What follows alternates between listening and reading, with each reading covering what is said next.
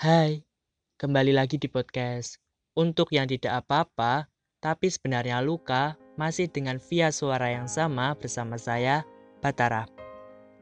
Gimana kabar kalian hari ini?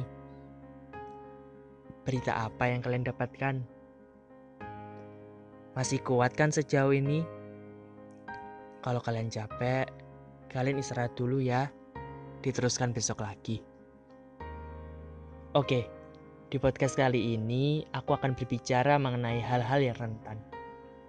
Mungkin bisa dikatakan ini adalah dialog dari hati ke hati.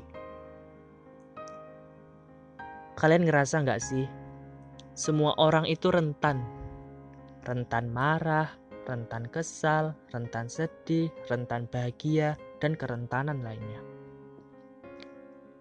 Tapi sebenarnya rentan yang buruk itu bisa diatasi kalau kita mau saling berkomunikasi, bukan menggiring opini sendiri tanpa mau mendengarkan sesuatu yang benar-benar terjadi.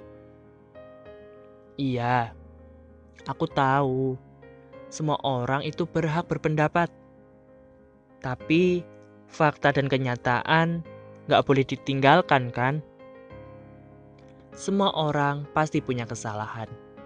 Tapi mengapa memaafkan merupakan hal yang sulit dilakukan? Dan satu hal lagi. Kita hidup bukan hanya berdua, bertiga, berempat. Kita hidup sosial, hidup dengan orang banyak. Jangan setiap apa pun yang dilakukan orang lain selalu merasa itu tentangmu. Sampai-sampai kamu beropini yang tak masuk akal. Apa tidak malu seperti itu?